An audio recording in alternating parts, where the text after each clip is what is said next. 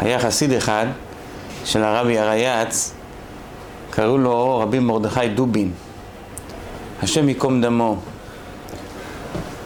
החסיד הזה היה גם אה, עשיר גדול, הוא היה גם חבר פרלמנט בממשלה של לטביה, היה גם שר בממשלה של לטביה, ומכיוון שהוא עסק בחינוך, כמדומני היה גם שר החינוך, אז היה לו אה, מאוד אה, אחריות אה, רוחנית להשפעה על הנוער ועל הצעירים, גם על יהודים וגם על לא יהודים להבדיל.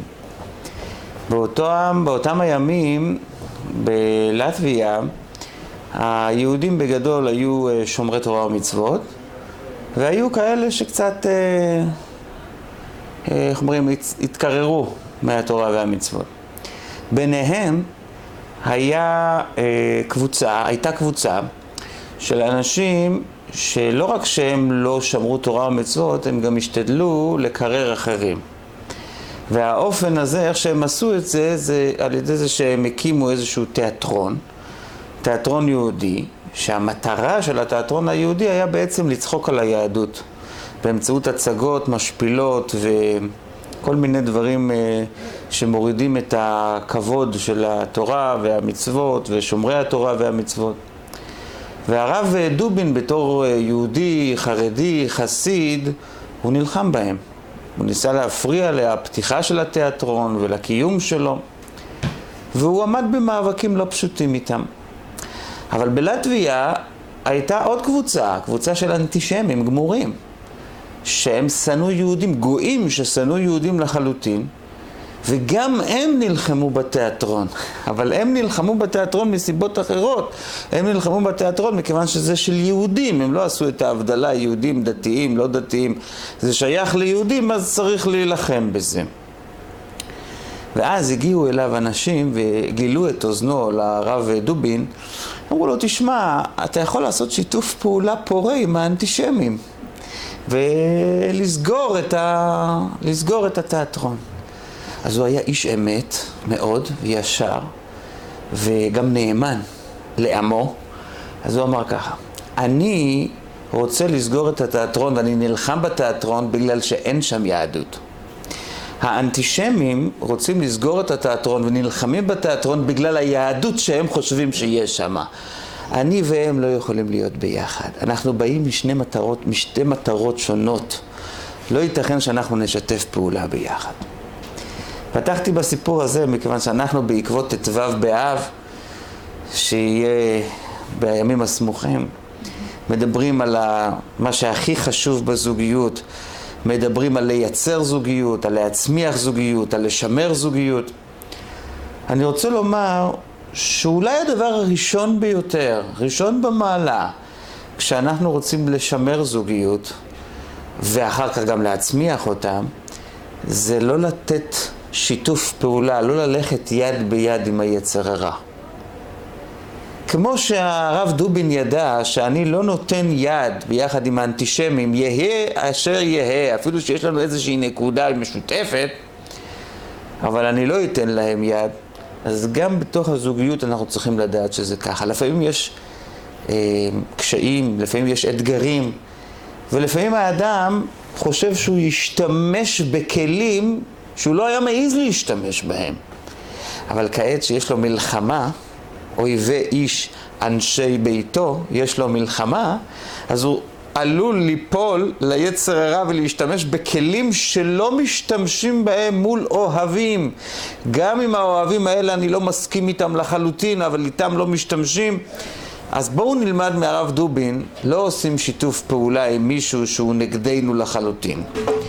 עכשיו, מי הוא האויב הזה שעליו אנחנו מדברים בתוך עולמה של זוגיות? יש ספר שנקרא שיחות הר"ן. הר"ן זה רבינו נחמן, רבי, רבי נחמן מברסלב. רבי נחמן מברסלב אמר שאחד הדברים שהכי חשובים ליצר הרע, הוא עוזב את כל העניינים שלו, עוזב את כל העיסוקים שלו, ומשתדל להיכנס בבית של זוג צעיר שזה עתה התחתן, ולגרום להם למריבה ולשנאה ולקנאה ולתחרות, להוציא את השלום בית מהבית שלהם. זה הדבר הכי חשוב ליצר הרע. עכשיו, למה הוא סיפר לנו את זה? משום שכשאתה יודע שזה האנטישמי הזה, היצר הרע הזה, זה מה שהוא רוצה לעשות, אז אל תשתף איתו פעולה. עכשיו, מהו הדבר שהוא עושה הכי חזק? ואני חושב שכל אדם שמתחתן חווה את החווה, בין איש בין אישה. אני מדבר בלשון זכר, אבל אני מדבר לשני הצדדים. כל אדם שמתחתן חווה את החוויה הזאת, את המחשבה הזאת. טעיתי. הנישואים האלה היו טעות. זאת אומרת, בהתחלה מאוד היינו בהיי וזה וזה, אבל אחר כך ירדנו לחיי היום-יום האפרוריים, ואז התחילנו, התחלנו לגלות כל מיני דברים, כי זה באמת ככה, כשאנחנו נמצאים רחוק יחסית אחד מהשני, אז אנחנו אה, לא רואים את כל החדשקונים הנפשיים שנמצאים בתוך הלב של האדם השני. אבל אחרי שאנחנו מתקרבים יותר, אז אנחנו פתאום מגלים שהשלמות שאותה ראינו בהתחלה היא לא כזו שלמות. וכאן בדיוק נכנס היצר הרע. אתה מגלה שזה לא השלמות, זה מחשבה ראשונה. מחשבה שנייה, עשיתי טעות, נפלתי בפח. פשוט, במילים כאלה. גם האיש חושב ככה, גם האישה חושבת ככה, שני האנשים, ועל זה אומר דוד המלך בתהילים, מושיב יחידים ביתה, משום שזה כל אחד לחוד. הם נמצאים ביחד, אבל כל אחד לחוד. באיזשהו מקום הם לא שלמים עם עצמם, עם הצעד שהם עשו. ובאה התורה ואומרת, תדעו לכם, שהמחשבות האלה הן מחשבות של שטן, הן מחשבות של סטרא אחרא. אלוקים לא היה נותן לכם להיפגש, אלוקים לא היה נותן לכם להתחתן אם אתם לא שייכים זה לזו וזו לזה. זה שכולם חושבים משהו מסוים אחרי חתונה, וזה שכל כך הרבה מסתפקים פתאום שאולי הצעד שהם עשו היה צעד לא נכון, זה רק מוכיח שזה שקר. אם זה היה קורה לאחד, לשתיים, אז אתה אומר אולי. אבל כשאתה מדבר על משהו שהוא שגרתי, שאחרי הנישואים פתאום נפקחות העיניים ומגלים שזה לא זה, זה שטן. בבקשה, בואו לא נשתף פעולה עם האנטישמי הזה. בואו לא נשתף עם השונא הזה, משום שהשונא הזה הוא לא באמת רוצה את טובתנו. זה נראה לנו כאילו שהוא עכשיו מחזק, מכיוון שגם אנשי ביתו נראים לנו כאויבים לרגע, אבל אל תשוו אותם לאויבים כמו השטן חלילה, כמו היצר הרע חלילה, זה פשוט לא קרב זה אל זה כל הלילה. עכשיו ברשותכם, אני רוצה כדרכנו לחלק את השיעור לשניים, משום שלצמוח בזוגיות צריך קודם כל להסיר את החרולים ואת הקמשונים ואת המפריעים, שזה אסור מרע, ואחר כך צריך לעשות גם ועשה טוב.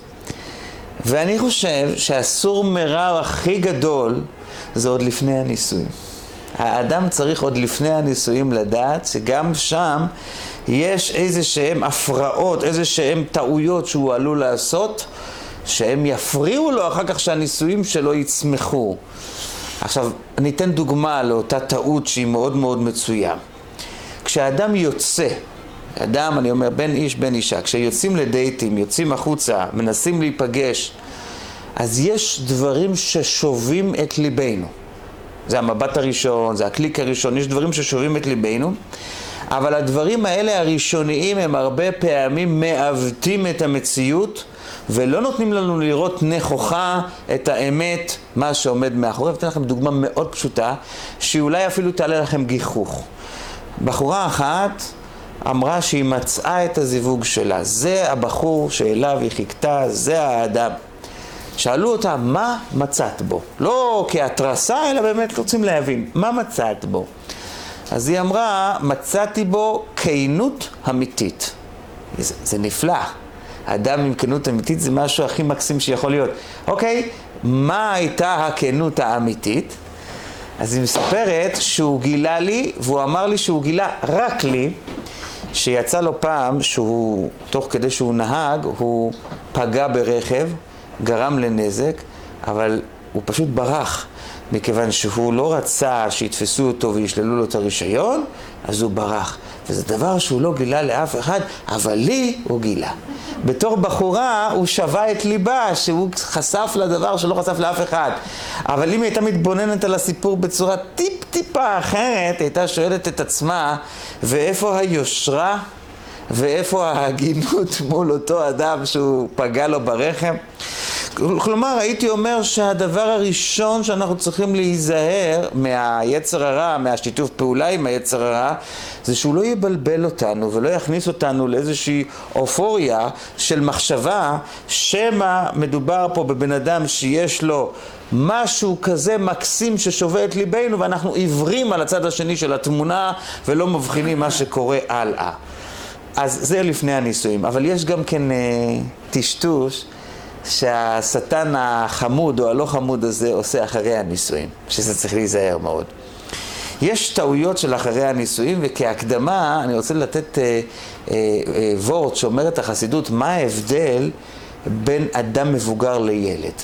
במה ההבדל המשמעותי בין אדם מבוגר לילד? הרי תסכימו איתי שיש ילדים שהם חכמים יותר ממבוגרים, אתם מסכימים? יש. יש ילדים ש, שהם, שהם, שהם, שהם, איך אומרים, זה פלא לראות אותם. ובכל זאת הם ילדים. אז מה ההבדל ביניהם ובין המבוגר? זה לא האיברים, זה משהו פנימי, זה משהו נפשי. אז החסידות אומרת במילה אחת שילד לא יודע לוותר. אתה נכנס עם ילד לחנות משחקים, תנסו, תראו. תבחר משהו אחד שאתה רוצה, קונים לך ליום הולדת. מה שאתה רוצה, אבל אחד. אז הוא התבלבל. רוצה גם את זה וגם את זה וגם את זה, קשה לו להגיד, מה... הרי תסכימו שכשבן אדם אומר על דבר מסוים כן, הוא אומר על כל הדברים לא. המבוגר יודע להגיד לא, הילד לא יודע להגיד לא, לא יודע לוותר על שום דבר. עכשיו אנחנו מגיעים למבוגרים הילדים. יש אנשים שלא התבגרו. ומה זה מתבטא שהם לא התבגרו? זה שהם רוצים הכל והם לא יודעים לוותר על שום דבר, רוצים גם וגם וגם, הם לא יודעים להגיד על מה זה לא מתאים לי, זה לא מסתדר לי. איפה זה בא בנישואים יותר משאר הדברים? הרי הנישואים זה לא חנות משחקים, אז איפה זה בא לידי ביטוי הכי חזק? התורה אומרת פסוק מפורש, על כן יעזוב איש את אביו ואת אמו ודבק באשתו. קודם כל תשימו לב שהפסוק מדבר על הגבר. למה הוא לא אומר את זה לאישה? וכי האישה לא עוזבת את בית אביה ואת בית אמה? התשובה היא האישה עוזבת לא פחות, אבל היא בנויה לזה. היא מבוגרת יותר, נפשית. היא רוצה כבר לבנות את ביתה, היא שמחה באיזשהו מקום לעזוב את ביתה, כמו שאומר, כמו שאומר המדרש, אין האישה מוצאת מנוחה אלא בבית בעלה, זאת אומרת בבית שהיא בונה, שם היא מוצאת מנוחה.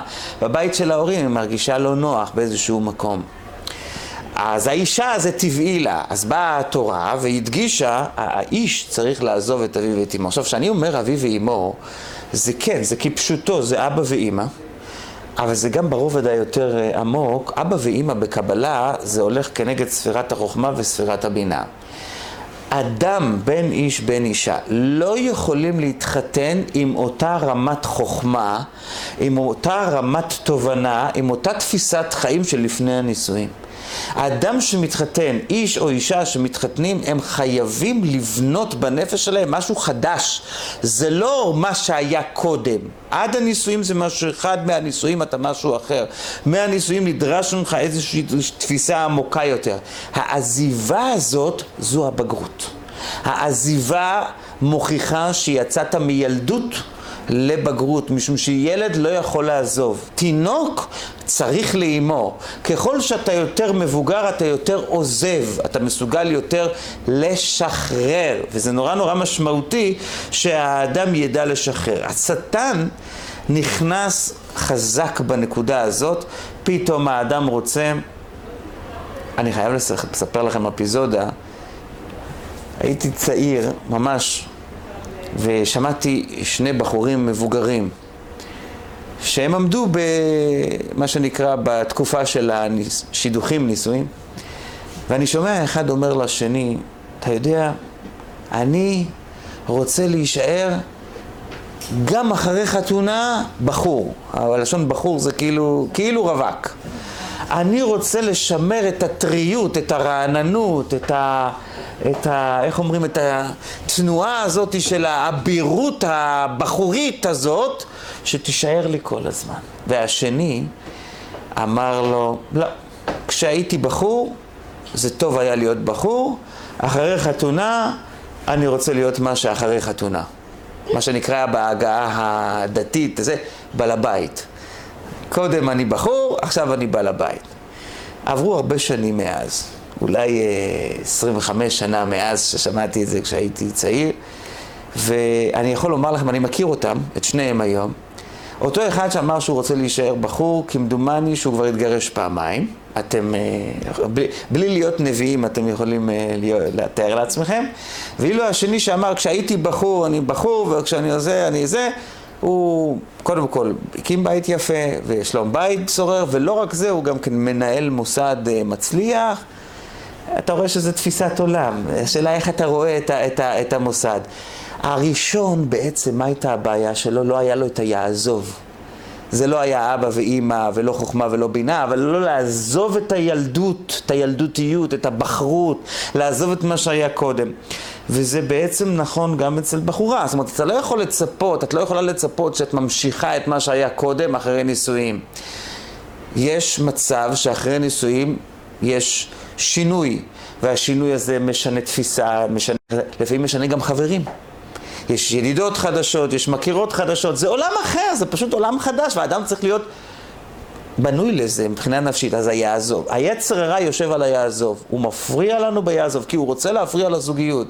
אז אנחנו צריכים להילחם נגדו בנושא הזה. נקודה מתקדמת, בסדר. עזבנו, נכנסנו לתוך עולם הזוגיות. זה בהשגחה פרטית. תראו, בתורה אין לנו...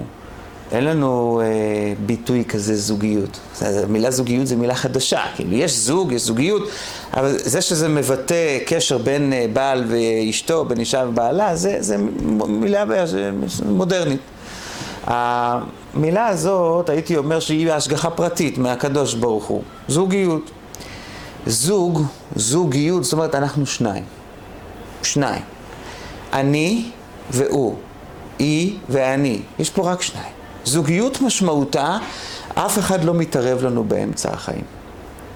זאת אומרת, בהמשך ליעזוב, אנחנו לא מכניסים כל הזמן, משתפים כל הזמן אנשים זרים. אני אומר את זה, ואני חוזר ואומר את זה, וכנראה אצטרך לחזור ולומר את זה גם בעתיד. אפשר לשתף אך ורק מטפלים, מטפלות, מקצועיים, שהם בעצם מחוץ לתמונה, הם מקבלים את השכר שלהם, הם לא עובדים רגשית בסיפור, הם עובדים עניינית בסיפור, זה הדבר הכי נכון והכי טוב. אנחנו לא משתפים בתוך הזוגיות את ההורים. איפה הטעות? של הרבה צעירים, הרבה צעירות. מה זאת אומרת? אני לא יכולה בלי אמא שלי, אני מספר. אתם יודעים מה ההבדל בינך ובין אמא שלך? ההבדל הוא כזה, את בתוך הנישואים יש לך גם רגש, יש גם יצרים, יש כל מיני דברים, לאימא שלך אין את כל זה, יש לה רק שכל. את מספרת לה מה בני עושה לך, או מה הוא אומר לך. מצוין. אך היא כבר, בלב שלה בני כבר שחור, מזופת. זהו. עכשיו, אחרי כמה זמן, בני עשה לך מוצי פוצי וזה וזה, ואיזשהו זה, מחלת לו, המשכתם הלאה, ויכול להיות שעליתם גם על דרך המלך. מי נשאר עם הזפת בלב? אימא שלה. עכשיו, מכיוון שלפעמים אין לך את הזמן או את הפניות לשחרר אותה מזה, גיליתי שזה לא זה, את לא אומרת לה, את גם רוצה לשמר אותה לפעמים הבאות, שהיא לא תחשוב שאת כבר מסתדרת, אלא שתמיד יהיה לך פינה שתוכלי שיהיה מישהו שירחם עלייך. אז זה משהו טבעי. עכשיו, מה שקורה זה שהיא משדרת לבני כל הזמן שהוא לא רצוי. וכשהיא משדרת את זה לבני, היא משדרת את זה גם לך. ואז באופן עקיף, בלי שהיא תרצה ובלי שאת תרצי, הנישואים מקבלים חבלות על ימין ועל שמאל, ולכן כשרבקה אימנו היה לה בעיה בבטן, והיא לא הצליחה להבין למה זה נותן בוקסים שהוא רוצה לצאת, וזה רוצה, היא לא הבינה, אז היא לא הלכה לאברהם אבינו. הרי היה לה צדיק, אולי צדיק הדור אפילו, והיא לא הלכה אליו, היא הלכה לשם ועבר לשאול אותם. למה? מתברר שכל מה שנוגע לזוגיות לא שואלים בתוך הבית, גם אם בתוך הבית יש אנשים גדולים כמו אברהם אבינו. זאת אומרת, צריך להיות איזושהי, איזשהו חיץ, אוקיי? אז אחרי שאנחנו ניטרלנו בהיבט הזה את ההורים, לא חלילה לגמרי, אבל רק בהיבט הזה של השיחות, אנחנו צריכים לדעת שזה לא רק ההורים, יש לפעמים אנשים אחרים נוספים שנכנסים, ותראו שזה כבר היה מערש הבריאה. האדם הראשון וחווה היו בגן עדן. אתם יודעים שרוב המריבות, לא יודע, רוב, אני חושב שלמעלה מ-70% מהחוסר שלום בית שיש אצל אנשים, זה קשור עם כסף. זאת אומרת, הרבה מאוד בעיות. אה, אילו היה להם כסף, הם היו מסתדרים. אבל יש קושי ופרנסה ולא הולך ופה ושם, והוצאות, ולפעמים הוצאות בריאות, וכל מיני חובות שמישהו הביא איתו ולא סיפר, לא יודע מה, או טעויות כלכליות שעשו ושהם גורמים לפירוק, זה דברים שקורים כל יום. אבל האדם הראשון לא היה את כל זה. עכשיו, יש פעמים שבן אדם מקנא, או איש מקנא, היא מקנא, היא רוצה בעל אחר, הוא רוצה אישה אחרת. לא היה להם במי לקנות גם כן. זאת אומרת, זה רק עכשיו. לכן אנחנו אומרים, בגן עדן מקדם, כאילו שהנישואים יהיו, שכל אחד ידע שיש רק איש אחד, יש רק אישה אחת, כמו שהחבר'ה האלה ישבו בגן עדן. אז כדי שהם יריבו, נכנס כאן אלמנט שלישי שקראו לו הנחש. והנחש ניסה להפריד ביניהם, והוא גם כן הצליח. ולימדונו רבותינו, מאז ולתמיד, שבכל נישואים יש גם את הנחש. הנחש זה סמל, זה סימבוליות. של מישהו שהוא לא אבא והוא לא אימא, כמו שהנחש לא היה אבא ואימא של אדם ראשון. הוא, הד... הוא מישהו שלישי, והמישהו השלישי הזה הוא יכול להיות אח, אחות, חברה, חבר, אה, שכן, שכנה, לא משנה, זה יכול להיות מישהו מהמשפחה או מהסביבה הקרובה, והוא ייתן מילים ויזרוק פה ויזרוק שם, ובעצם הוא אה, יגרום להרס. הנחש זה משהו חיצוני, אבל יש גם נחש פנימי. בכל אדם יש הנחש אשר בקרבך, ולנחש אשר בקרבך קוראים דמיונות. מאיפה אנחנו יודעים את זה? משום שהנחש האורגנל הוא, הוא, הוא אמר הרבה שקרים עד שהוא הצליח לגרום לסכסוך בין אדם לחווה. עד שהם אכלו מעץ הדת. הוא אמר, אל תיגעו בו, הוא אמר, אלוקים רוצה ככה, אלוק... הוא המון המון המון המון עשה ספקולציות. הנחש זה סמל החטא, והוא הצליח להחטיא אותם בכוח הדמיון, הוא רימה אותם, הוא בלבל אותם, הוא שיקר אותם, הם התפתו לשקר שלו. האדם, יש לו גם כן דמיונות. הוא מדמה, הוא מתרגם, הוא מפרש, הוא מפרשן, וזה הבעיה הגדולה. האדם הרבה פעמים נופל בטעויות הנחש. הנחש מבפנים או הנחש מבחוץ. לכן, כשאנחנו רוצים לשמור על הזוגיות, זה לא נותנים לאף אחד להגיד לנו דעות, אפילו לא לנחש, ואפילו לא לנחש אשר בקרבך. עכשיו, אחרי שגם את זה אנחנו נטרל, אנחנו עוברים לשלב עמוק יותר. יש... Uh, פה הסמטה, פה אילו מציאות שלו ואילו חייב להכריז, זה הפרק השני של בבא מציע. יש לזה, היה על זה אפילו תוכניות בטלוויזיה. אבל יש בפרק הראשון של בבא מציע, שזה עוד יותר מעניין, שניים אוחזים בטלית. זה אומר כולה שלי וזה אומר כולה שלי. אני רוצה לומר לכם שלדעתי הנישואים זה כמו שניים אוחזים בטלית. הנישואים זה שניים, והם אוחזים, כל אחד אוחז בחלק מסוים בבית, באחריות וזה, אבל הבעיה מתחילה אם כל אחד אומר, כולה שלי. כל זמן שכל אחד אה, יודע את מקומו, יודע את חלקו, יודע את תפקידו, אז זה היה הדבר הכי טוב שבעולם, זה היה הדבר הכי טוב, כי באמת צריכה להיות חלוקת תפקידים אה, באחריות וכולו וכולו.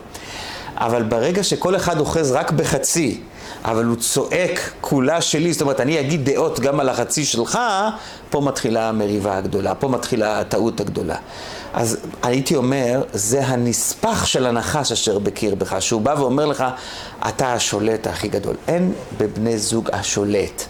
יש פה שניים, ושניהם אחראים, כל אחד על מה שהוא צריך להיות אחראי, והדברים צריכים להיות ברורים. אין פה המילה שלי, המילה שלך, המילה הראשונה והמילה האחרונה. זה משהו שהוא נורא נורא חשוב. עכשיו, אחרי שאנחנו עברנו את המסלול הראשוני הזה, אנחנו מגיעים לחיים היומיומיים בפועל. שאלו, עשו מבדק בארצות הברית, 15 אלף איש. שאלו אותם, האם בילדותם הם ספגו מכות? או ביקורת מילולית קשה מאוד. כמעט כולם אמרו שכן. שאלו אותם על מה זה היה. כמעט כולם לא זכרו כלום. אבל כולם הודו שהמכות או הביקורת הקשה יצרו אצלהם תחושה של נקמנות חזקה מאוד ורגשות קשים מאוד מול האדם שעשה. זאת אומרת, הם זוכרים את האדם שעשה, הם כועסים עליו בפנים, אבל הם לא זוכרים מה הוא עשה. ללמדנו שרגשות נשארים גם כשהסיבה לרגש כבר לא קיימת, אנחנו לא יודעים מאיפה זה בא. ישנו משפט מפתח שכותב אותו הרבי באגרות הקודש שלו כמה פעמים. הוא אומר, אל תיתן עצה לבן אדם שלא ביקש. והוא אומר את זה בשם האדמו"רי חב"ד הקודמים, בשם האדמו"ר הזקן, ואני תהיתי כשהייתי ילד, מה הסיבה לדבר. אז עם השנים למדתי מקומות נוספים והבנתי שהעניין הוא כזה, אל תיתן עצה לאדם שלא ביקש, משום שכדי לממש עצה צריך להיות בלשון החסידות כלי. וכל זמן שהאדם לא ביקש ממך את העצה, אז הוא לא כלי לשמוע אותה. ואז גם כשתגיד לו, הוא לא יעשה איתה שום דבר. אני רוצה לומר לכם משהו נפלא על משקל האמרה הזאת של הרבי. אל תיתן לאדם עצה שהוא לא ביקש. אל תיתן לאדם ביקורת כשהוא לא יראה מעצמו נכונות לקבל אותה. ביקורת זה דבר קשה מאוד. האדם לא תמיד, או כמעט תמיד לא, כלי לקבלת הביקורת. בין בני זוג זה הכי נוח, לזרוק את כל מה שיש לי. אבל תדעו לכם, שאם האדם שעומד מולכם לא כלי לביקורת, עדיף היה שהיא לא תיאמר. זה נורא נורא חשוב. אז כשאנחנו רוצים לבנות ולהצמיח זוגיות, בבקשה, בלי ביקורת. אוקיי. עכשיו, ביקורת אין. נחש אין. לא מבחוץ, לא מבפנים. הפרעות אין. עזיבה של העבר יש. אז מה, איך עושים את זה? אז תראו, החיים, אה, תלוי, תלוי איך אתה רואה את החיים, אבל החיים באמת, אתם יודעים מה, אולי אני אשאל אתכם, למה שאני אקבע לכם? מה נראה לכם החיים? הם מלאים יותר ברגעי אושר, או נגיד את זה בצורה נקייה, ברגעי אתגרים? הרגים, מה, מה הם יותר, החיים? אתגרים. מה החיים יותר, יום הבהיר או יום המעונן? יום המעונן, גם אם זה קיץ, יום המעונן. אני חושב שרק ברומנים, החיים, החיים ברומן או בסרטים או ב... לא יודע, נגמרים בהפי אנד כזה, משהו זה. וסוף סוף הם התחתנו, והם חיו באושר ואושר וכבוד עד עצם היום הזה. אבל לא מספרים כמה פעמים הם רבו, וכמה פעמים הם התווכחו, ושאר הדברים, פשוט זה לא קיים. לא מספרים לנו על העולם הריאלי. חברים, העולם הריאלי הוא עולם מלא אתגרים שדורש מאיתנו קצת יותר יכולת אה, התמודדות. למי יש יותר יכולת או התנסות טבעית, התמודדות טבעית עם מצבים שונים, עם מצבי רוח שונים, עם מצבים ביולוגיים שונים, לאיש או לאישה? האישה. לכן אומר הרבי הרייץ, האישה נקראת עקרת הבית. עקרת הבית מלשון עיקר הבית. למה? משום ששלום הבית תלוי בעיקר באישה, מכיוון שהיא יודעת להוביל את הספינה גם כאשר יש גלים, גם כאשר יש עליות ויש ירידות, מכיוון שהיא התנסתה בזה במשך החיים שלה ביתר שאת, ביתר עוז, בינה יתרה ניתנה באישה יותר מבאיש, ולכן התבונה, כתוב בחוכמת ליב, בתבונות בנתה ליבה. היא צריכה, בחוכמת ליבה היא בונה את הבית שלה, היא צריכה לבנות את הבית באיזושהי עוצמה שהיא שמורה לה. עכשיו אני רוצה לומר לכם משהו שיושב לי על הלב. כל התנועה הפמיניסטית, שאין טוב בלא רע ואין רע בלא טוב, כל התנועה הפמיניסטית, אה, באותם דברים חיוביים שהיא נתנה, נתנה, אבל יש גם משהו שהיא לקחה. היא לקחה מהאישה את אותה חוכמת נשים בנתה ביתה הטבעית שהייתה לה. אותה, אה, אותה תנועה שנתנה לה את העוצמה בבית ואת עקרת הבית ואת היכולת לתמרן בין הגלים. והשוויוניות דורשת שגם הוא ישקיע ויעשה ויתמרן כשהוא בעצם באיזשהו מקום זבוב קצוץ כנפיים, זאת אומרת אין לו את הכלים לעשות את זה. אז כמו שאומרים, עשו שוויון, נתנו לו גם כן לנקות, נתנו לו גם כן להיות אחראי על השלום בית, ובסוף הבית נשאר מלוכלך. זאת אומרת, לא הרווחנו מזה יותר מדי. אני חושב שלהילחם עם הטבע היסודי שברא האלוקים, זה לא חכם. צריך לתת לדברים הטבעיים כמו שהם אה, לזרום. ונקודה אחת לפני האחרונה בחלק הראשון של השיחה בסור מרע, הגמרא במסכת פסחים, כשהיא מדברת על נישואים, היא קוראת לזה בביטוי, אה, בביטוי מתוק. ענבי הגפן, בענבי הגפן, דבר נאה ומתקבל. החתונה זה כאילו שלקחנו, אתם יודעים שהגפן צריכים אה, כל הזמן אה, לה, לה, לה, להכניס ייחורים ולהמשיך אותה. הגפן זה, זה לא עץ ועוד עץ ועוד עץ, זה מתפרס. הנישואים זה גם התפרסות. זה אבא, אימא וצאצאים והמשך, וככה זה. זה, זה, זה המודל. ענבי הגפן בענבי הגפן, דווקא גפן. למה דווקא גפן? אמרו על זה חכמי המוסר שתי סיבות. סיבה אחת, מפני שהעץ גפן, בשונה מכל העצים, הוא עץ חלש. אתם ראיתם את זה, אתם רואים את זה, גוד... אה, ארץ ישראל מלאה בגפנים.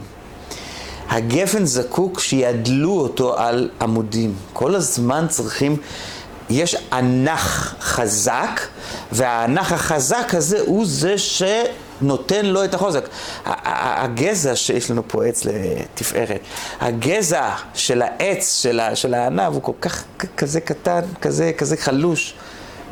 נישואים זה דבר חלש שזקוק לחיזוק כל הזמן. לכן משווים אותו לענבי גפן בענבי גפן. ואתה צריך שיהיה לך כלון שאות עמודים כאלה, שהם תקועים חזק היטב באדמה, בשורשים, בעבר, בדברים האמיתיים של החיים, בדברים היסודיים של החיים, בדברים שהם ללא ספק בחיים, והם אלה שיגרמו שהגפן תוכל להחזיק מעמד. נישואים ללא תחזוק, זה כמו להבדיל בן אדם שיגיד שהוא לא צריך לתחזק את המכונית שלו. כמה זמן המכונית תמשיך הלאה לנסוע בלי לעשות לה טיפול, בלי לעשות לה איזשהו אוברול. זה לא רק למלא דלק ולהמשיך, זה יותר מזה. הנישואים חייבים תחזוק. זה כמו גפן. בנוסף לזה, יש דימוי גם ביין, לא רק בעץ הגפן, אלא ביין שנעשה מהגפן. היין, כשעושים אותו, תוך חבית סגורה, צריך להיזהר שלא ייכנס אוויר. אוויר יכול לקלקל את היין מאוד. מדוע? מפני שהזוגיות כשהיא תיבנה, היא צריכה להיות אינטימית, אישית, הייתי אומר אפילו סודית. היא לא שייכת לכולם. זה רק אנחנו. זה האוויר הלא טוב. והדבר האחרון, וזה החיובי שיש בעץ הגפן, כל העצים כולם, ככל שעובר הזמן, התוצר שעושים מהעץ הולך ונחלש. אתה לוקח, אה, אתה לוקח למשל אה, אפילו תמרים. אז התמר החי הוא חי, אחר כך הוא מתייבש, ואחר כך לאט לאט הוא מתליע. ואותו דבר זה כל הפירות כולם, רק היין. אפילו השמן הוא לא כזה שמן, אחרי שנה שהוא עומד הוא מתחמצן. הוא לא טוב. היין אחרי שנה ושנתיים ושלוש ועשרים ומאה ומאתיים שנה הוא נעשה יותר טוב. אם אתה מתחזק את הגפן כמו שצריך, אם אתה עושה את היין כמו שצריך, אם אתה דואג שלא ייכנס בו האוויר בתוך 40, 40 יום של התסיסה, אז התוצר שיהיה לך מזה זה יהיה כזה יין, שככל שיעבור הזמן, הוא יהפך יותר ויותר להיות משובח, יותר חזק.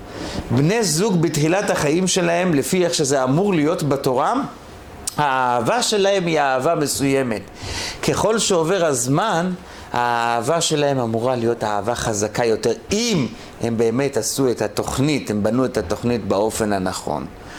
ולכן, בשנת תשל"ח, כשהרבי לקה על ליבו, והוא ישב לשוחח עם הקרדיולוג דוקטור אירו וייס, והוא ככה שוחח איתו על סדר היום, הרופא ביקש שהרבי יספר לו על סדר יום, זה היה משהו נורא אישי, אז הרבי פירט לו את כל הדברים, ובין השאר הוא אמר לו גם כן שבאמצע, אחרי צהריים הוא הולך הביתה והוא יושב אה, לשתות כוס תה עם אשתו יום יום.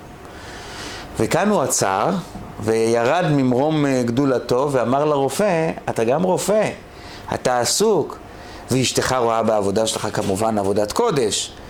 אבל אני אומר לך, תשמע לעצתי, אל תפספס את היום-יום לשבת על כוס קפה, אל תפספס את זה. תלמד ממני, כן. כמה שאני עסוק, אבל אני נותן לזה את הזמן. משום שבאמת, זה לא משנה מי זה האיש, זה לא משנה מי זו האישה, וזה לא משנה איזה אידיאלים אה, אה, מרוממים יש להם.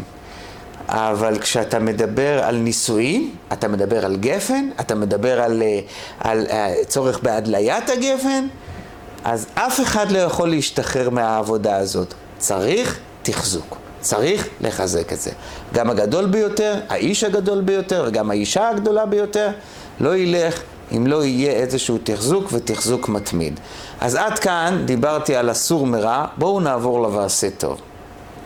המילה זוג בנויה משתי אותיות קוטביות. האות ג' מפנה את הפנים שלה לכיוון ימין. האות ז' מפנה את הפנים שלה לכיוון שמאל. זוג, שמאל, ימין. מהו הדבר שמאחד ביניהם? זה האות ו' שנמצאת באמצע. האות ו' משמשת כמו קיר ענך שאפשר ליישר עליו את הגב, והוא, הענך הזה, הוא הנקודה המשותפת שמשלבת ומחזקת בין בני הזוג. כדי להבין את מה שאני אומר, אני לוקח דוגמה מזוג שכולם מכירים אותו, רבי עקיבא ורחל. רבי עקיבא היה רועה צאן. הוא לא ידע קרוא וכתוב. רחל זיהתה בו גדולה. היא לקחה אותו והיא שלחה אותו ללימודים. רבי עקיבא בהתחלה התייאש, אבל היא בעוז ליבה ותעצומות נפשה הצליחה לשכנע אותו להמשיך הלאה ללמוד. עכשיו, מה שהיה מעניין זה שבעצם כל הקשר, האהבה שבין רבי עקיבא לרחל ובין רחל לרבי עקיבא, זה לא היה משהו אישי, אני אוהבת את עיני התכלת שלו. זה לא היה משהו אישי, זה לא היה משהו בשרי, זה היה איזשהו אידיאל משותף שהיה לשניהם, זאת אומרת, זה היה אצלה, והיא זיהתה שזה יהיה גם אצלו. האידיאל המשותף בזוג שלהם זה היה למשל אה, תורה, שהיא רצתה שהוא ילמד. ובעצם האידיאל הזה הוא זה שיצר את האהבה ביניהם. זה נורא מעניין. שימו לב, בני זוג נולדו במשפחות שונות, במנטליות שונה. קשה מאוד לצפות שמיד בתחילת הנישואים הם ירגישו אחד את השני כאילו מה שהם באמת נשמה אחת. רבי אריה לוין, רב האסירים, כשהוא היה עמוק עמוק עמוק עמוק בתוך הנישואים שלו, הוא יכל להגיע עם אשתו אל הרופא ולהגיד לרופא בסגנון אמיתי וכנה, הרגל של אשתי כואבת לנו. אבל אתם חושבים שאנשים שכשהם מתחתנים, הם באמת יכולים להגיד את זה? אולי כן, אבל להרגיש את זה? לא. המודל של תחילת הנישואים זה מודל של רבי עקיבא ורחל. יש איזשהו אידיאל שלישי שאנחנו שותפים אליו שנינו, ואנחנו מוכנים להקריב את עצמנו אליו. האידיאל השלישי הוא המחבר, הוא הענך, זה האות ו' שבין הזין לבין הגימל. שהם לכאורה הפכים, ואז באמצעותו אנחנו יכולים להגיע למצב שבאמת הכאב שלי זה הכאב שלה, והכאב שלה זה הכאב שלי, והשמחה שלי זה השמחה שלה, והשמחה שלה זה השמחה שלי, באמת הפכנו להיות אחד. אבל זה לא דבר שהוא קורה מיד בהתחלה. שימו לב עד כמה בני הזוג הם שונים. כשהאדם הראשון נברא על ידי הקדוש ברוך הוא, אז הוא היה לבד, בודד בעולם. אחר כך הביא לו הקדוש ברוך הוא את חווה. כשהאדם הראשון, אתם מכירים את הבדיחה הזאת של בן אדם ששוכח לסגור את הדלת, היו אומרים פעם, נולדת באוטובוס? למה? נולדת באוטובוס, אז אתה כאילו חושב שהדלת תסגר לבד. האדם הראשון נולד לבד. התודעה הנפשית שלו, הנולדת באוטובוס שלו, זה להיות לבד. לכן, מי זה שמתלונן כל הזמן בבית? אנחנו לא יוצאים, אנחנו לא עושים שום דבר ביחד, זה אף פעם לא הגבר, זה תמיד האישה. עכשיו, מה שכואב לנשים הכי חזק, זה לא רק שהוא לא יוזם שום דבר, אלא זה נראה שזה אפילו לא אכפת לו. זה נורא מעצבן. באה התורה ואומרת, תראה, שימי לב, כשאת באת לעולם, זאת אומרת, הדלת של האוטובוס שלך, כבר היה מישהו. מכיוון שכבר היה מישהו, את נולדת לתודעה של שתיים, זה נורא, של שניים, זה נורא נורא חזק בנפש של האישה, זוגיות. לכן, מה שאמר הרבי הרייץ, האישה אחראית על שלום בית, משום שרק היא יודעת להבין בזה. היא ה... הוא מבחינתו, אומרים בבדיחותא על איזה אחד שהיה כל כולו שקוע רק בעצמו ורק בתורה שלו ורק בזה. ואשתו הייתה מכינה את האוכל, והיא גידלה את הילדים, והיא זה, והיא בסוף בא, חיתנה אותם, והיא סידרה את האולם, והיא סידרה את הכל, ובסוף היא הזמינה גם כן חייט שיתפור לבעלה הנכבד גם איזשהו מעיל לקראת החתונה של הילדים שלו. וכשהחייט מדד, ואחר כך הוא היה צריך להכניס את השרוול וזה, נתקע לו משהו. נתקע לו משהו בהכנסה של השרוול בזה, ואז הוא הפליט הנחה כואבת. אוי, צער גידול בנים. וזה בדיוק גבר. זה בדיוק. איך אומרים? גם אם הוא משתתף וגם אם הוא זה, אבל איך אומרים? לזרה לו. האישה חוזרת עם התינוק אחרי הלידה, תראה איזה חמוד! והוא פשוט לא רוצה להעליב אותה. אז הוא אומר לה, כן, כן. הוא לא מבין בחמוד, בטח לא חמוד של יום אחד ושל שמונה ימים, הוא לא מבין בזה גרוש. תאמינו לי, אני אומר לכם, לא מבין בזה גרוש. אולי כשהילדים גדלים יותר ויש עם מי לדבר, אז הוא מבין משהו מהחיים שלו. אבל הוא לכשעצמו, הוא לבד. מכיוון שהאיש והאישה הם רחוקים זה מזה כרחוק מזרח ממערב, אז אנחנו רק מבינים עד כמה נדרש בשביל ליצור את הזוגיות, ליצור איזשהו ענך שיאחד ביניהם, שיהיה איזשהו מודל שמחבר ביניהם, ולכן זה כל כך כואב לראות זוגות שלפעמים אני שואל את עצמי, ריבונו של עולם, למי היה חוש הומור לחתן אותם? זאת אומרת, אין ביניהם כלום. כלום. איך אומרים? בוא נגיד את זה בניסוח כזה.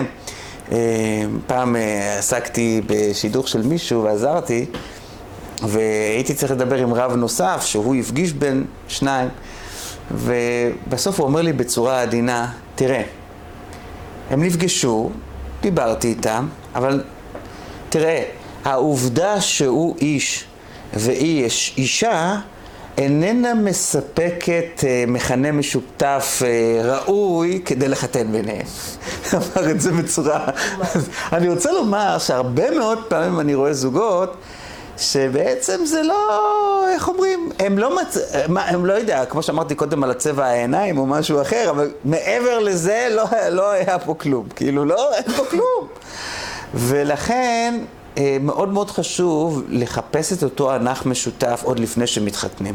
כי אם אין את הבסיס הזה, אז הגימל תישאר לכיוון, כמו שאומרים, ימין, והזין תישאר בכיוון של שמאל, ואף אחד לא יגיע לאף אחד, והכל יתפרק עוד לפני שמשהו נבנה. נקודה נוספת בבנייה של הזוגיות, בצמיחה של הזוגיות, זה הנושא שהזוגיות היא מבט כפול. אתם מכירים, יש לפעמים שאתה ככה, מי שהראייה שלו לא ברורה, אז הוא רואה כל דבר כפול. אז באופן החיובי, בנישואים אתה רואה כפול. מה זה לראות כפול? כשהסבירו לנו, כשאנחנו היינו צעירים, לקראת חתונה, הסבירו לנו מה זה נקרא שאתה מתחתן. עד עכשיו, כשעשית כוס קפה, עשית לעצמך, עכשיו אתה צריך לחשוב גם על עוד מישהו. אולי גם אתה רוצה, אולי את רוצה, אולי... תחשוב על עוד מישהו, זה, זה ברובד הפרקטי. אבל ברובד היותר פנימי, כל דבר אתה חושב כפול. רגע, ואיך זה ייתפס אצלה? ואיך זה ייראה לה? האם היא תאהב את זה או לא תאהב את זה? איך היא תקבל את זה? האדם צריך לחשוב כל הזמן במחשבות שהן כפולות. ברגע שאין לך את המחשבה הכפולה, לנישואים אין לאן לנסוע. אוקיי, אז הנוסחה הזאת היא נוסחה מצוימת, השאלה איך עושים אותה. אז בואו בוא נעשה... בואו נעשה איזושהי עבודת uh, שטח. איך יוצרים שהראייה של בני הזוג תהיה ראייה כפולה? הגמרא בירושלמי מספרת סיפור עתיק, יפהפה, על אדם גדול, שכפי הנראה גם היה צדיק גדול, שבאו אליו חכמי ישראל לבקש ממנו שהתפלל שירדו גשמים, כי ארץ ישראל הרי חיה על הגשמים, והתפלת מים לא הייתה אז ב... והוא פשוט הלך לאשתו, הוא אמר לה, תראי, החכמים פנו אליי שאני אתפלל אליהם. תארי לעצמך שאני אתפלל והתפילה שלי תתקבל. את יודעת איזה בושה וחרפה זה יהיה, שכאילו התפילה שלהם לא הייתה שווה כלום והתפילה שלי כבודד שווה משהו? את יודעת מה?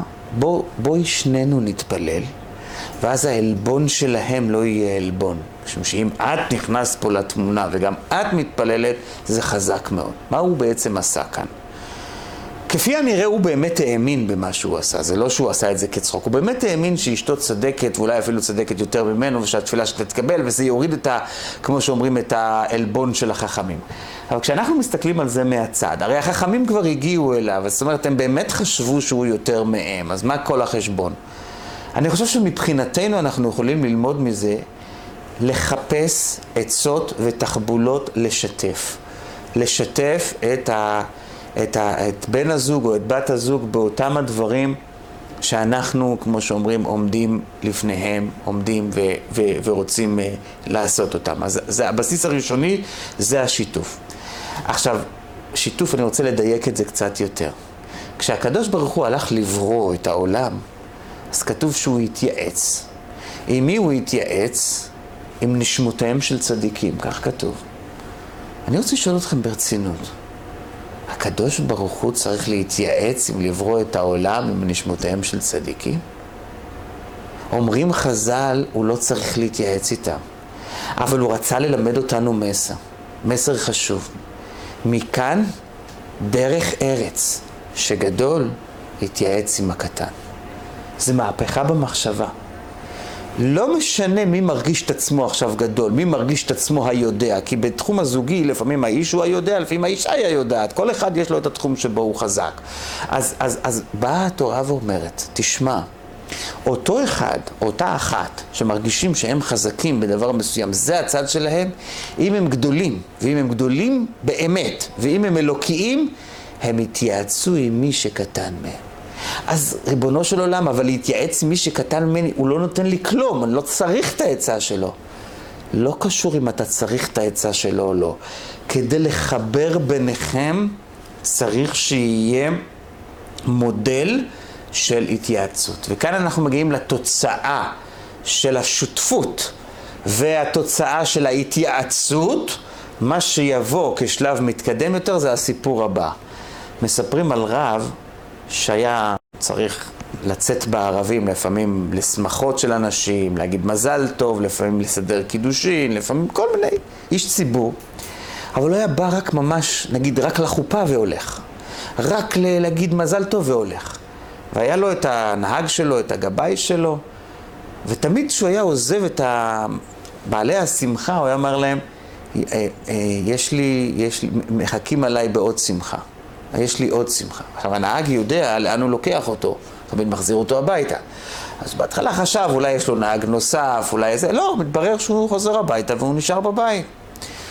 אז יום אחד הוא עזר עוז, זה בכל זאת לא נעים להיכנס לבן אדם בנשמה, והוא שואל אותו, אתה כל פעם אומר שיש לך שמחה משפחתית נוספת, יש לך עוד דבר שאתה צריך לנסוע. אני, אני לא רואה שאתה נוסע. הוא אמר, לא, אשתי מיריה מחכה לי בבית. והיא מאוד שמחה שאני נמצא בבית. זה לא שמחה משפחתית? אחרי שיש שותפות ואחרי שיש התייעצות, מגיעה גם כן האהבה, מגיעה גם כן השמחה. איך אתה יודע אם בני זוג הם אוהבים או לא? אתם יודעים שיש אנשים כאלה, השתבח שמם, הם עושים חסד. הם משתדלים כל שבת להכניס כל הזמן אורחים. האורחים ממש שמחים. אבל אני אגלה לכם סוד, יש כאלה שעושים את זה כי הם שלוחים של הרבי, כי הם בין תפקיד, כי הם בזה, ויש אנשים שעושים את זה מפני שאם הם נשארים לבד, רחמנא ליצלן הם רבים ביניהם כל הזמן. אז כדי לא לריב, הם מביאים אנשים, ואז ליד האנשים, כן, זה, זה יופי, וזה, מתנהגים יפה מאוד אחד מול השני. מוריי ורבותיי, זה דבר שחשוב מאוד לדעת אותו, שאנחנו באים במגע עם אנשים אחרים, אבל זה לא בגלל שאנחנו בורחים מהבית שלנו. איך אתה יודע אם בני זוג הם אוהבים או לא? אם נוח להם להיות אחד במחיצת השני, הם מסוגלים לשהות שעות ביחד. אני אומר את זה בשיא הכאב. תמיד שיש חופש, תמיד שיש חול המועד. אני לא יודע אם אתם מודעים לכך, אבל הטלפונים לרבנים, ליועצים, לזוגיות וזה, למה? מכיוון שכל השנה יוצאים בבוקר, חוזרים בערב, עסוקים על המחיה ועל הכלכלה, פתאום יש לך חג, נשארים בבית כמה ימים, יש זמן לריב. יש אנשים שלא יכולים להיות אחד ליד השני. הם לא בנו את הזוגיות שלהם כמו שצריך, לא נעים להם להיות ביחד. אתם יודעים למה? כי הם לא עשו את עבודת השיתוף ולא את עבודת הייעוץ, אבל כאן אני חייב להגיד לכם משהו. אני אומר הרבה דברים באמת מהלב, כי זה נכון, כי זה, כי זה אמיתי, ובאמת כשמדברים על זוגיות זה מהלב. אתם יודעים שיש אנשים שלא בא לדבר איתם בכלל? אתם יודעים שיש אנשים שאם אתה רק מתחיל לספר להם את הסיפור כדי להתייעץ איתם, אתה מצטער שפתחת את הפה? למה? קודם כל הפרצופים, האף, החיוכים, או הכעסים, החוסר הסכמה משווע הוא סוגר אותך מלכתחילה. ואחר כך כשהם פותחים את הפה, אתה רואה, כמו שאומרים, אין עם מי לדבר. נגדנו, רק מוסר, רק שלילה, אין מילה טובה, אין תמיכה. יש אנשים שלא נעים לשתף אותם, אז אתה אומר, פעם הבאה, עדיף כבר לא. כשאתה רואה שלא משתפים אותך, תעשה בדיקה, יכול להיות שהצד השני באמת לא יודע לשתף, הוא צריך ללמוד. אבל יכול להיות שהוא ניסה פעם ופעמיים, ואתה כיבית אותו כמו פרח שנסגר, ולא נתת לו את האפשרות להיפתח. כשאנחנו באים איתנו להתייעץ, אל תיתנו מוסר, תנו לבן אדם להגיד את כל מה שיש לו על הלב. הוא לא צריך באמת את העצה שלכם, הוא צריך את ההקשבה שלכם, אוקיי? אז דיברנו על זה שאנחנו מגיעים סוף כל סוף לאהבה על ידי שותפות, על ידי התייעצות. אנחנו לא מכבים את האדם שמתייעץ, אבל השאלה הבאה, רק אהבה? כן, חג האהבה, רק אהבה כבוד הרב, רק אהבה. מוריי ורבותיי, שכשהקדוש ברוך הוא ברא את העולם, הוא ברא גם אהבה, אבל ביחד עם האהבה הוא ברא גם יראה. והאדמו"ר הזקן בספר התניא, הוא קורא לאהבה והיראה כנפיים. והוא אומר שהעוף לא מצליח להתרומם עם כנף אחד. אם, אם ראיתם פעם עוף שהדביקו לו כנף, או שאין לו כנף מסיבות שונות, אז הוא ממש מסכן, הוא לא מצליח להתרומם. זה כואב לראות את זה. תדעו לכם שזוגיות צריכה להתרומם. וזוגיות שיש בה רק אהבה לא מתרוממת. בזוגיות צריך שיהיה גם אהבה, ואולי בעיקר אהבה, אבל גם יראה.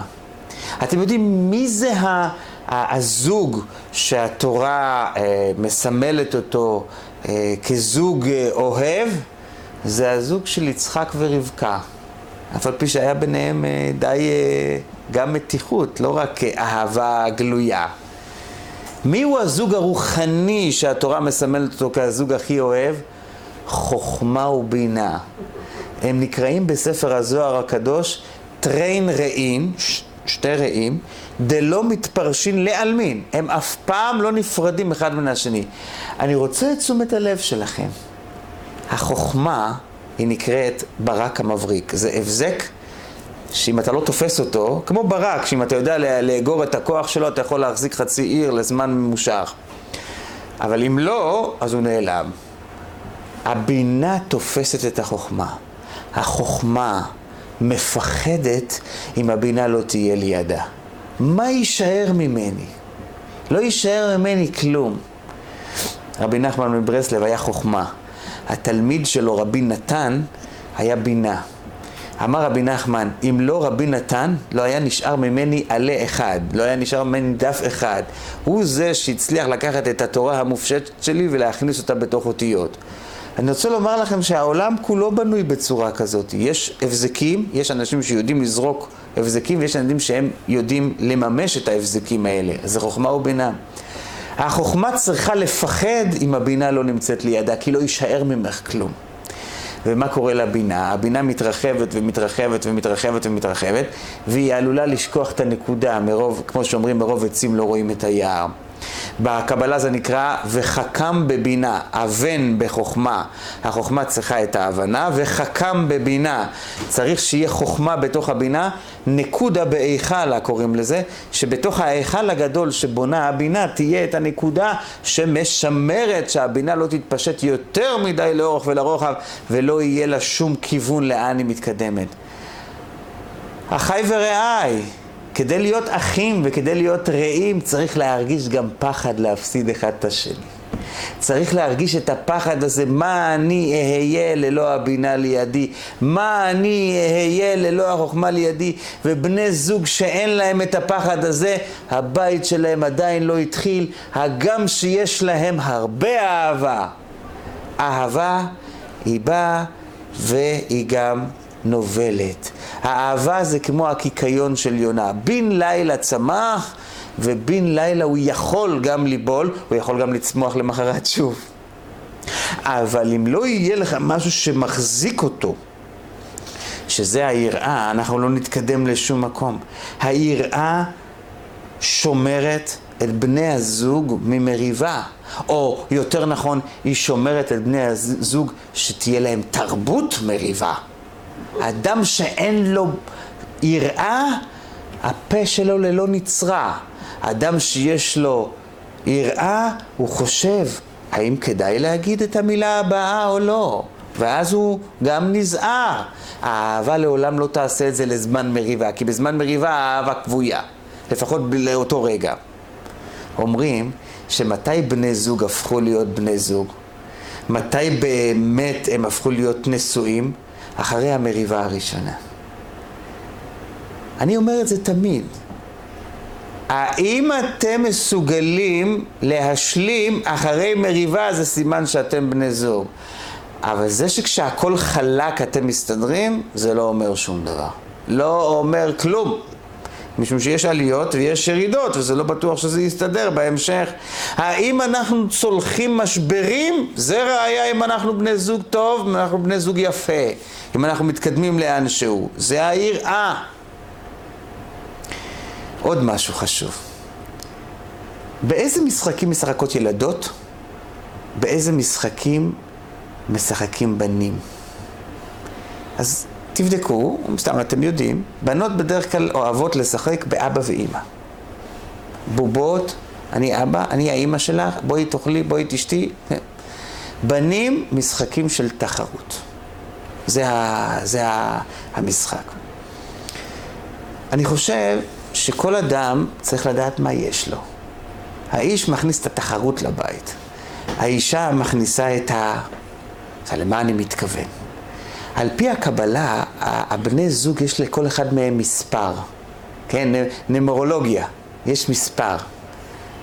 המספר של האיש זה מספר שלוש, הרבי כותב את זה. מספר של האיש זה מספר שלוש. המספר של האישה זה מספר ארבע. באמת בנמרולוגיה, באמת המספר ארבע הוא מספר של מנהיגות, זה מעניין. המספר שלוש זה כנגד אברהם, יצחק ויעקב, ארבע אבות, זה האיש. המספר ארבע הוא כנגד ארבע אימהות, שרה, רבקה, רחל ולאה. זה המספר של האישה. המספר שלוש והמספר ארבע זה בצמד המילים גמול, דלים. גמול זה הגימל, דלים זה הדלת. וכאן אנחנו מגיעים לסוד הגדול של הנישואים. המנהיגות של האיש היא מנהיגות שנקראת בקבלה אור ישר. המנהיגות של האישה זה מנהיגות שהיא באופן של אור חוזר. מה הכוונה? האיש, ככה אני אמרתי, ככה אני רוצה. זה הכל כזה, כזה, כמו גרזן על, ה, על העץ. האישה, היא עושה את אותו דבר, אבל היא עושה את זה בעקיפין, שלא מרגישים את זה אפילו. ואני חוזר שוב לתרבות הפמיניסטית, שעשתה את הנשים לגברים בהרבה תחומים, והרבה פעמים איבדו את החוש של הארבע שלהם, של ארבעת האימהות. החוש של האור החוזר, החוש לעשות את הדברים באופן עקיף. אני ראיתי את זה בצורה מוחשית כשאישה אחת אמרה לי, ואני סיפרתי את זה פעם, אני אחזור שוב, משום שזה בהקשר שלנו נורא חשוב. אישה, עכשיו זה חופש, יוצאים לחופש, היא אומרת, תשמע, בעלי קונה תמיד חבילות נופש, אף פעם הוא לא מתייעץ איתי. הנה עכשיו הוא קנה חבילת נופש לקפריסין, אני, אני, אני, הוא נותן לי, הוא מסדר לי, הכל, הוא כאילו לטובתי, אבל אני, אני, אני, אני אוויר. אפילו להגיד לי שזה מה שהוא הולך, לא, לא, אני אוויר. שאלתי אותם אם נישואים שניים או ראשונים, היא אומרת נישואים ראשונים. באמת מפתיע. אמרתי לו, אז מה את עושה מול זה? אני מתווכחת איתו. אמרתי לה, אני חושב, בוא ננסה לעשות את זה אחרת. יש חוכמת נשים בנתה ביתה. לדעתי, אני קצת הכרתי את הסטייל שלה, היא הייתה, מה שנקרא, לוחמנית, היא הייתה גברית בנקודה הזאת. אמרתי לה, בוא נחזיר אותה חזרה להיות אישה כמו פעם. אמרתי, לא, לא, לא, לא, לא, לא, אני לא רוצה, אני רוצה לדעת קרוק, טוב, רוצה לנהוג, רוצה לעבוד. לא, לא, לא, אני לא אקח לך את זה, הכל בסדר. אבל בוא נחזיר אותך לחוכמת נשים בנתה ביתה. אומרת לי, אתה, אתה תהיה, ת, ת, תעזור לי? אמרתי לה, אני מוכן לעזור לך, אבל בתנאי שתעשי בדיוק מה שאני אומר. בלי שום תחכומים. קבלת עול היאללה. חבילה הבאה שהוא קונה, הם היו יוצאים שלוש-ארבע פעמים בשנה, זה בן אדם עשיר שלא היה לה מחסור בכלום, זה היה פלא. והיא, אה, אה, הוא קנה את החבילה הבאה והיא מתקשרת אליי כולה בעצבים, לא אמר לי כלום.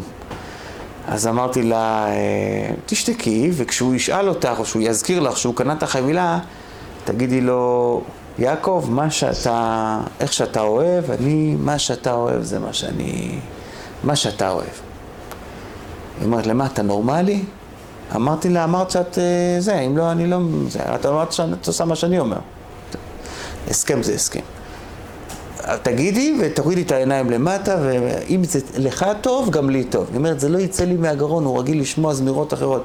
אמרתי לה, עזבי, גברים לא מבינים רגשות ודברים כאלה, הוא שומע מילים. תגידי את המילים, מה אכפת לך?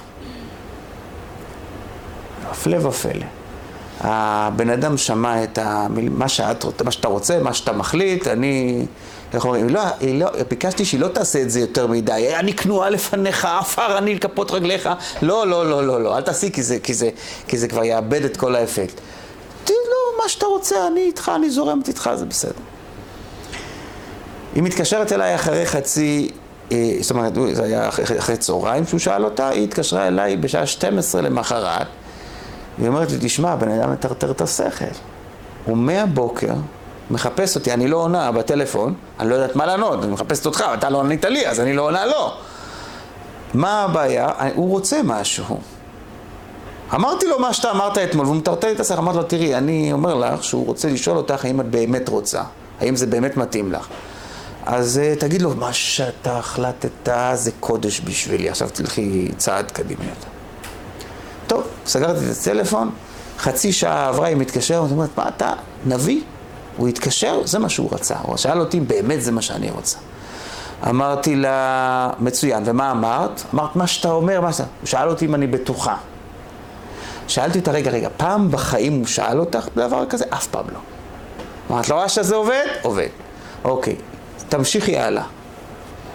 אתם, אתם יודעים מה קרה בסוף? אחרי חצי שבוע הבן אדם כפשוט קרע ברך ואמר לה, אם את לא רוצה, אני אעשה מה שאת רוצה. והיא ממשיכה הלאה להגיד מה שאתה רוצה, מה שאתה רוצה, אני כלום, מה שאתה רוצה, מה שאתה רוצה. איזה חוכמה פה יש? זה נקרא, על פי הקבלה, חוכמת הדל. לדל יש גם כן חוכמה, למספר ארבע, גמול, דלים. למספר ארבע יש גם כן איזשהו מסר. הוא, יש לו כוח מיוחד להוציא ממך, לשלוט עליך, באמצעות זה שהוא מראה את עצמו כאילו, כאילו דל. זה לא דל באמת, זה דל רק בשפתיים. זה דל במשחק, זה פרשמירים כזה, זה, זה מין כאילו, זה מריחה כזאתי, שמורחים על השפתיים וזלין, כדי שזה יצא חלק, כדי שזה יצא נעים. הגבר, כשהוא שומע מישהו שעומד מולו בתוקף של ג', הוא יילחם איתו עד הסוף. לא תגיע איתו לשום דבר.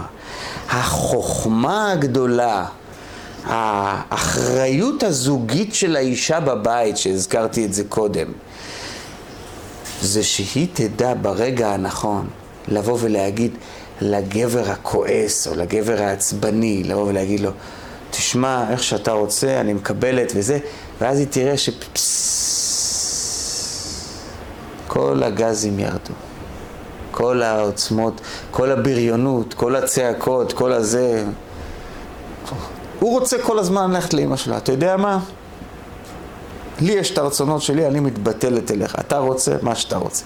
שבוע אחד הוא ירגיש עם עצמו טוב, שבוע הבא יגיד לה, תשמעי, שבוע הקודם הלכתי לאמא שלי, לא נעים לי, הולכים לאן שאת רוצה. ככה זה עובד.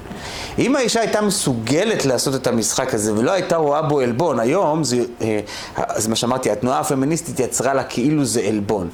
אבל אם היא הייתה מסוגלת לעשות את זה בצורה שבלי עלבון, היא הייתה יכולה לקדם את הבית שלה לרמות. ואנחנו לקראת סיום. הרמב"ם כותב שכשאתה אוהב מישהו, אתה מנסה להפיץ אותו הלאה. כשבני זוג אוהבים אחד את השני, הם רוצים שיהיה להם ילדים משותפים כדי להמשיך הלאה, כדי שיהיה ממנו זכר, כדי שיהיה ממנה זכר וכיוצא בזה. אחד הדברים הכי משמעותיים בין בני זוג ליצור הרמוניה זה שיהיה ביניהם הדדיות מוחלטת על חינוך הילדים. איך אנחנו רוצים לחנך את הילדים, שיהיה ביניהם הסכמה איך זה צריך להיראות, איך זה צריך להיתפס. הרבי הרש"ב, בהמשך המפורסם שלו, המשך תרס"ו, הוא כותב שיש כמה טעמים לבריאה, בריאת העולם. למה השם ברא את העולם? טבע אחד הוא רצה להיטיב עם הבריות שלו, זה טעם אחד. הטעם השני הוא רצה לקל, לגלות את שלמות כוחותיו. והטעם השלישי והאחרון והעיקרי, נתהווה הקדוש ברוך הוא להיות לו דירה בתחתונים. אני הייתי מקביל את שלושת הטעמים האלה לא רק לבריאת העולם על ידי הקדוש ברוך הוא, אלא לבריאת האדם על ידי בני הזוג. זאת אומרת, על ידי המשכיותו של האדם, על ידי שלושה שותפים לאדם. למה בני האדם מתחתנים? טעם הראשון, הנפש שלהם מחפשת מישהו להיטיב לו. לתת, נתינה למישהו. הטעם השני, כל זמן שאתה לא זוג, אתה לא מגלה את שלמות הכוחות שלך.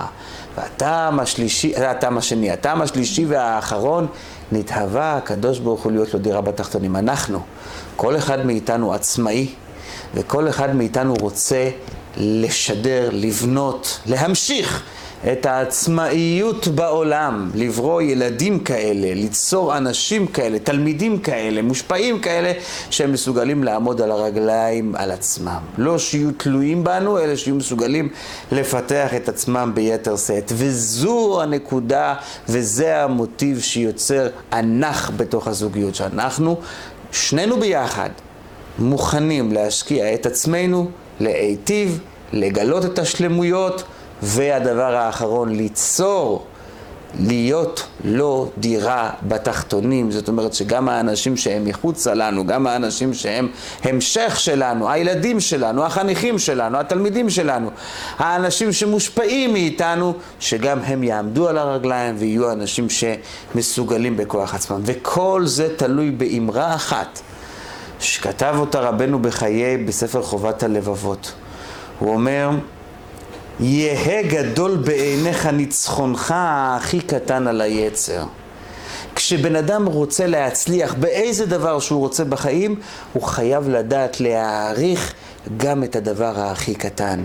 העשירים הגדולים האמיתיים שלא זכו בכספם בירושה או באיזה הגרלה, זה בא להם כתוצאה מזה שהם ידעו להעריך את השקל, הם ידעו להעריך את הדולר, את, את הפרט הקטן.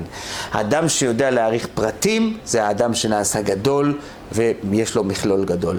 האדם שיודע להעריך מה שעושים לו בתוך העולם של הנישואים, בתוך העולם של הזוגיות, זה האדם שהופך להיות אדם גדול. זה האדם שהזוגיות שלו תלך ותתפתח. אדם שלא יודע להעריך את הפרטים הקטנים, באיזשהו מקום הכל נעצר לו. אז תרשו לי קודם כל לעשות סיכום. דיברנו בתוך הצמיחה של הזוגיות ממה להימנע, אסור מרע, ועל הצמיחה של הזוגיות מה כן לבנות, ואחר כך גם כן בלא סיום. דבר ראשון, אנחנו לא עושים שותפות עם היצר הרע. היצר הרע מטעה אותנו לחשוב כאילו עשינו את טעות חיינו בבחירה, הוא מטעה אותנו קודם הנישואים, הוא מטעה אותנו אחרי הנישואים, לכן לא נתייחס אליו. לא לעזוב את העבר, צריך לעשות חשבון האדם צריך לדעת לעזוב את העבר, כן, יעזוב איש את אביו ואת אמו, ולא לעשות חשבון לאנשים שמסביב, אלא רק בתוך תא המשפחתי, זה הכי חשוב, ולא לאפשר לנחש הפנימי והחיצוני להתערב לנו בתוך הבית. בנישואים לא אומרים כולה שלי, כל אחד תופס את החלק שלו, חצייה שלי, אבל לא כולה שלי. בנישואים אומרים ביקורת רק כשהשני מוכן לשמוע את הביקורת הזאת. התפקיד החשוב של האישה זה לשמור על הזוגיות, לה, לה, לה, לה, איך אומרים, לה, להטיס את, את, את, את התא המשפחתי, לה, להרים אותו ולהצליח לנווט אותו בתוך כל הרוחות ובכל מצבי הרוח שיש בתוך הזוגיות.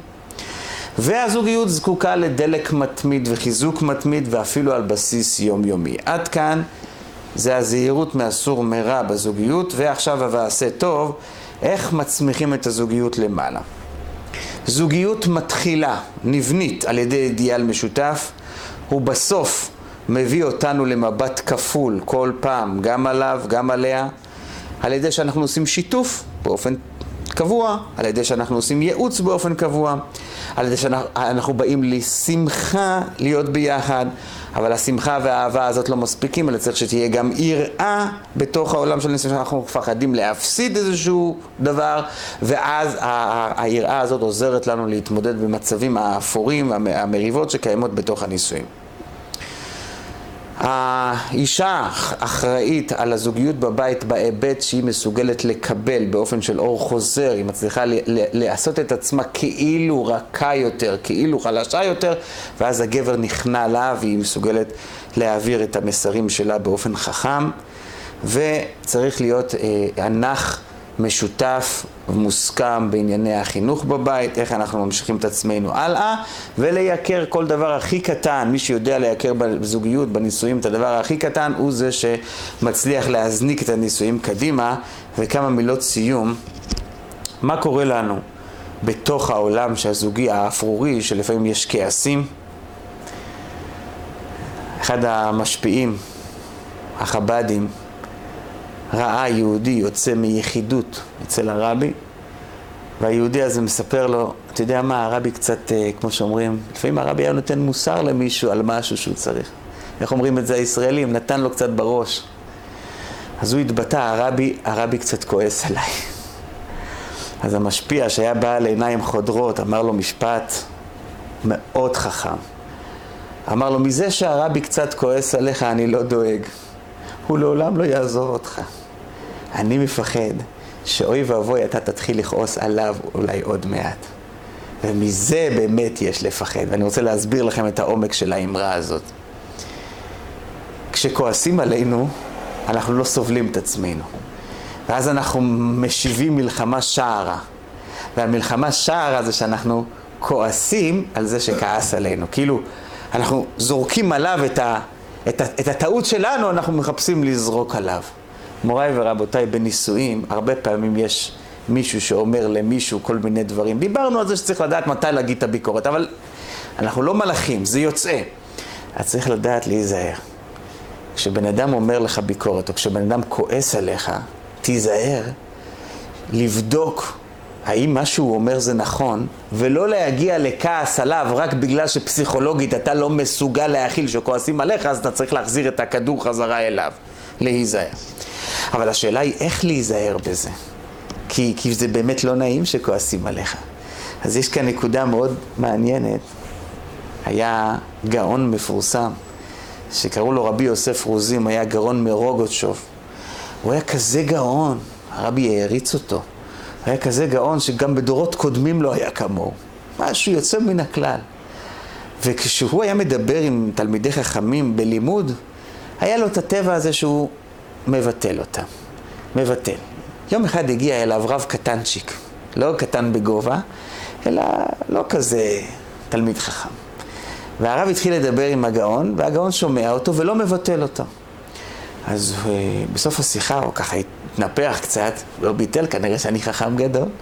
אז הוא אומר לו, שמעתי עליך שאתה מבטל תלמידי חכמים, אתה זה, ועכשיו אתה שותק, אתה מסכים כל מה שאני אומר. אז הוא אומר לו, אני מבטל רק לומדים גדולים, תלמידי חכמים גדולים. יש כאלה, כמו שאומרים, שהם לא התחילו, אז אני לא, אין... אני רוצה להגיד לכם שיש כאן מסר נורא חשוב. אם מבטלים אתכם, אם מישהו מוצא לנכון לבטל אתכם, כנראה שאתם שווים משהו. כנראה שאתם מציאות, כנראה שאתם, יש לכם, יש לכם אישיות, אחרת אף אחד לא היה מצ... מרגיש צורך לבטל. ואמר האדמו"ר הזקן פעם, אמר את זה, אמר אמרה כזאת, אמרה חכמה, הוא אמר, הפירות של האילן לא גדלים מהגזע, הם גדלים מהענפים. תראו, יש הרבה דברים שאנחנו קיבלנו בחיים, מההורים שלנו, מה... זה הגזע שלנו, מהעבר שלנו, מה... מהיסודות, זה... הגזע זה היסוד. אבל הפירות, האדם מצליח להצמיח אותם מהענפים, מהשלב היותר מתקדם מהגזע. לא מהגזע, אלא מהשלב המתקדם יותר. לפעמים זה האיש, לפעמים זה האישה, לפעמים זה הבעל, לפעמים זה הילדים, לפעמים זה האנשים הקרובים אלינו, שהם לכאורה לא בנו את, ה, את היסודות של החיים שלנו, את הגזע של החיים שלנו, אבל דווקא מהם, אם אנחנו נקשיב, נקשיב לביקורת, נקשיב לכעס, אנחנו נוכל לבנות את עצמנו יפה מאוד. משם יוצאים הפירות, משם יוצאת ההצלחות. אתה לא צריך לחזור לסינר של אימא, אתה לא צריך לחזור לבית אבא כדי לצמוח. לא משם תהיה הצמיחה שלך. הצמיחה שלך תהיה דווקא מהענפים. ורק לסיום, כש, כשהסתלק אחד מאדמו"רי חב"ד, הרבי המהר"ש, רבי שמואל, הוא נסתלק בגיל צעיר, בגיל 48, ממחלה. והוא השאיר אה, אה, ילדים, אבל הם היו צעירים, ועד שהם לקחו, כמו שאומרים את החסידות, זה לקח 10-11 אה, שנה. ואתם יודעים, חסידות זה ההוואי, זה השירה, זה התפילה, זה הקיבוץ ביחד. מתי מתקבצים ביחד? ראש השנה, יום כיפור, חגים. בשנה הראשונה אחרי הפטירה שלו בלובביץ', כמעט לא היה מניין. וזה היה נורא, כמו שאומרים, היה נורא כואב, רגשית.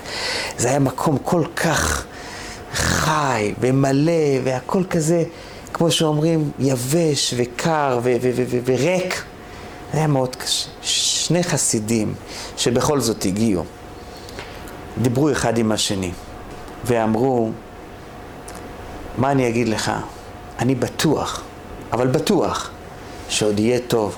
ולובביץ' תעלה ותצמח ותתקדם ותאיר, אני אומר לך שעוד יבואו ימים טובים יותר. ככה הם ניחמו אחד את השני. עברו שלושים שנה, בינתיים הבן של הרבי המהר"ש גדל, קיבל את הנשיאות, הקים את ישיבת תומכת תמימים המעתירה, ארבע מאות תלמידים לומדים בה, כל התורה מפקה, העולם היהודי כולו יודע מה זה לובביץ', יודע מה זה הרבי הרש"ב, הכבוד חזר פי כמה, ואותם שני חסידים שוב מגיעים לראש השנה, ושוב, אתה זוכר לפני שלושים שנה, אתה זוכר את אותו ראש השנה הכאוב, אתה זוכר את אותו, את אותה, את אותו מצב, אתה זוכר מה שאמרתי לך? הוא אומר, אני זוכר. אתה רואה מה קורה פה? אתה רואה שאני צדקתי? אני רוצה להגיד לך משהו. אני ידעתי שיהיה טוב, אבל אני לא ידעתי עד כמה יהיה טוב. זה לא ידעתי. ואני רוצה לסיים ולומר לכם, הנישואים זה אתגר, ולפעמים יש רגעים של יובש, לפעמים יש רגעים של... באותו מצב של אותו יובש, תדעו שהחיים הם כמו גלגל, והם מסתובבים. וכשאתה רואה שהדברים הם קשים, תדע לך שיבוא יום, ויהיה טוב. זה ישתנה, זה לא יישאר ככה, שום דבר לא עומד על מקום אחד. אנשים משתנים, דעות משתנות וכיוצא בזה. אבל לא רק שישתנה, אתה עוד תראה שכשישתנה, הטוב יהיה כזה טוב, שאתה לא שיערת שכזה טוב יכול להיות. זה מה שאני מאחל לעצמי, וזה מה שאני מאחל לכולכם. תודה רבה.